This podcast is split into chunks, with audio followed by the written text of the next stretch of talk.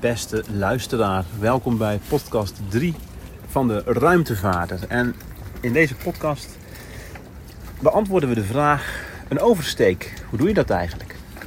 Want uh, wij krijgen zeker van niet-zeilers, maar ook van mensen die wel zeilen, maar niet op de zee zeilen, wel eens de vraag van uh, hoe werkt dat nou als je meerdere dagen op zee zit? En uh, waar let je op? Wat doe je wel?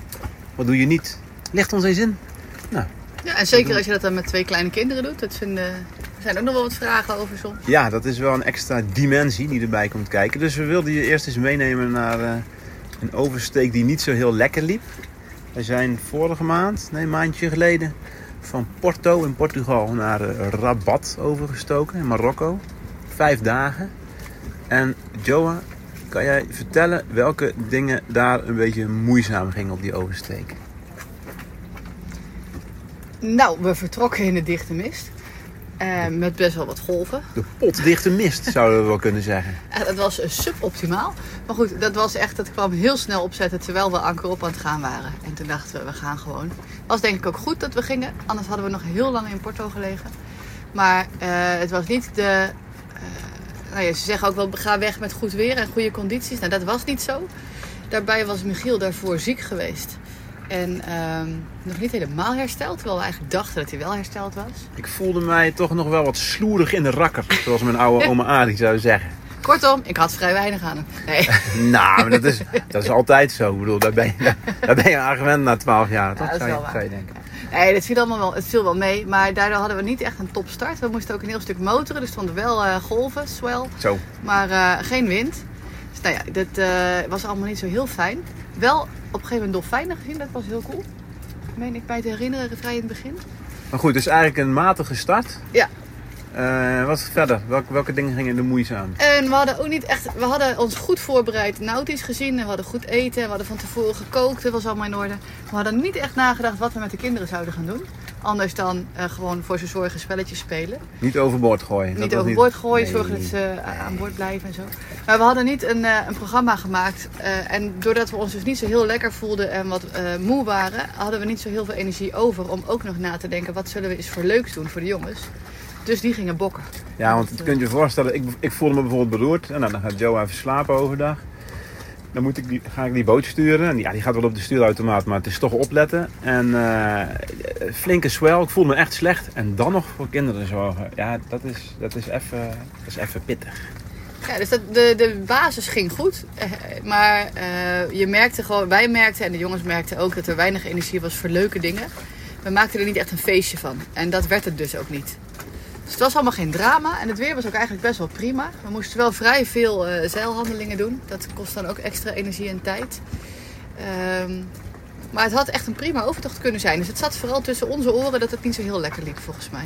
Ja, en daar hebben wij eigenlijk van geleerd. Bereid beter voor wat je gaat doen. Want we hebben op dag 4 van die overtocht geloof ik... eens even bij elkaar gezeten in de Kuip. Toen we even een half uurtje of een kwartiertje ja. hadden. Van wat, wat kunnen we nou anders doen. Um, en toen dachten we, we gaan volgende keer een programma maken. Ja. En dat heeft uh, geresulteerd voor de volgende overtocht in een zeer gedetailleerd programma. Eigenlijk dat wij natuurlijk in Excel in uh, 36 rijen en 341 kolommen hebben uitgewerkt. Niet, maar wel op een A4'tje met een, uh, met een raster erop. Ja, ik ben nog, ik ben nog bezig met dat even mooi tekenen. Ik had dat voordat we weggingen mooi willen tekenen, maar dat is niet gelukt. Uh, en zeker als je daarin geïnteresseerd bent, dan uh, kun je dat gewoon krijgen natuurlijk. Want wij dachten, en vooral voor mij is dat fijn. Uh, ik wil gewoon voor elke dag weten wat we gaan eten.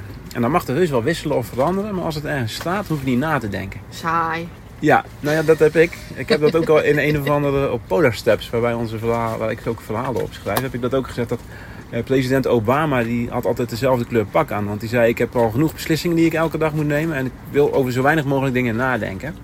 Dus hoef ik uh, niet na te denken over welk pak ik aantrek. Nou, dat heb ik ook met eten. Als ik na moet gaan denken van wat voor lunch moet ik maken of zo. Dat kost mij een hele hoop mentale energie. Nou, en die kan je natuurlijk maar één keer uitgeven. Hè? En op een gegeven moment is het mandje leeg. Um, dus ik vond het heel fijn dat we dat allemaal duidelijk hadden. En we hadden zelfs voor elk dagdeel gezet wat we met de jongens gingen spelen. En daar is Joa ook goed in, want jij had welke dingen had jij bedacht? Ja, we, hebben bijvoorbeeld eh, nog het keukentje wat we thuis eh, in ons huis hadden. Daar hebben we niet het keukentje zelf meegenomen, maar wel alle groenten en fruit en de mandjes en de, de pannetjes en zo. En daar hadden we ze nog niet mee laten spelen. Dus dat was nieuw. Dus we hebben op één dag in het programma gezet van nou, eh, we geven ze dat speelgoed van de keuken. En hetzelfde verhaal met verkleedkleren en dokterspullen. Dus we zijn ook een keer knuffelziekenhuis gaan spelen.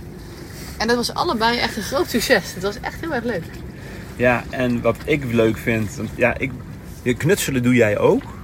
En ik vind zelf knutselen wel leuk, maar met deze leeftijd kinderen knutselen, Ja, dat is verschrikkelijk. nou ja, het lukt mij niet. Of klei, kleien vind ik ook zoiets. Of vingerverven, oh wat een ellende.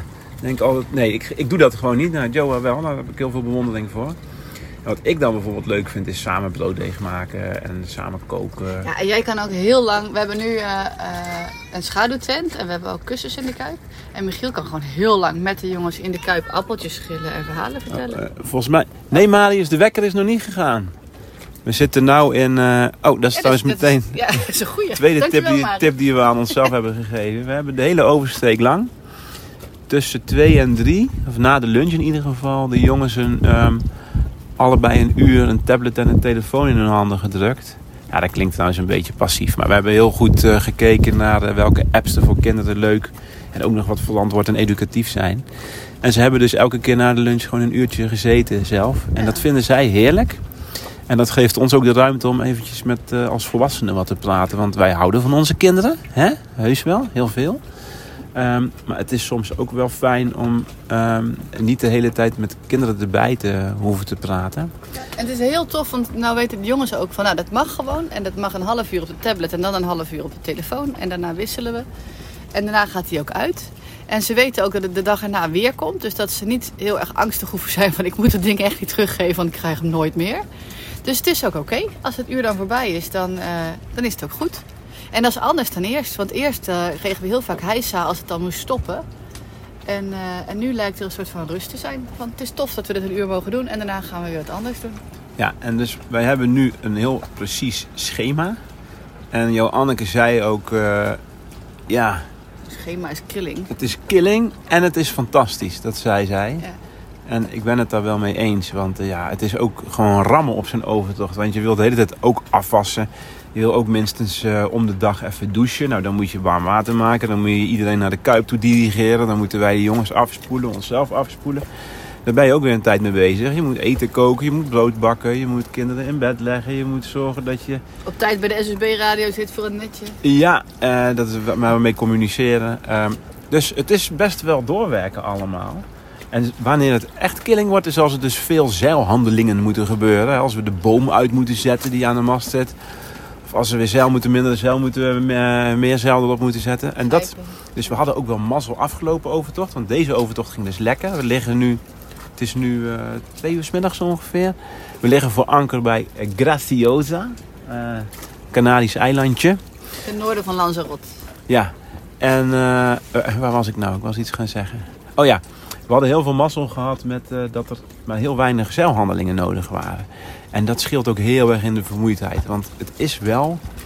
ehm, zeilen is met z'n tweeën. Zorgt natuurlijk ook al voor dat je... Nou, je wil de helft van de tijd ongeveer slapen. Dus mensen die geen kinderen hebben, die eh, doen vaak drie uur op, drie uur af. Gewoon de hele dag. En eh, wij doen dat net iets anders. Wij, doen, eh, wij slapen allebei s'nachts ongeveer vijf en een half uur. En we gaan dan overdag ook nog slapen. Maar dat is natuurlijk wel gewoon vermoeiend. En als het allemaal lekker loopt en je hebt gewoon lekker windje en rustig niks aan de hand, dan is dat prima te doen. En zo snel er meer moet gebeuren, of dat wij ook s'nachts als wij wisselen, eh, als wij de wacht wisselen, als we dan echt volle bakken aan de slag moeten, ja, dan is het gewoon allemaal veel vermoeiender. Nou, ja, dus dat, wat zijn nou samengevat onze tips voor onszelf? Structuur aanbrengen, Ja. schema maken. Nou, en wat we goed deden en goed blijven doen is gewoon eh, de boot goed voorbereiden. Dus schoonmaken, opruimen, koken voor een paar dagen. Het Eten klaarleggen voor de grijp wat je onderweg wilt gebruiken. Gewoon echt dat je dit zo makkelijk mogelijk maakt voor jezelf. Dat helpt ons heel erg. Ja, en uiteindelijk is het... eh, want ik heb ook nog even gebeld met een, eh, eh, met een vriendin van mij, uit van een collega. En eh, ik kwam er ook achter in dat gesprek van... eh, rust in de tent is eigenlijk nog belangrijker dan echte slaaprust. Dus als het allemaal relaxed gaat, dan kun je ook met weinig slapen. Ja, dat is zo. Nou, en dat is iets over eh, hoe wij de oversteken doen. Tot de volgende keer maar weer. Fijne dag verder. Hoi.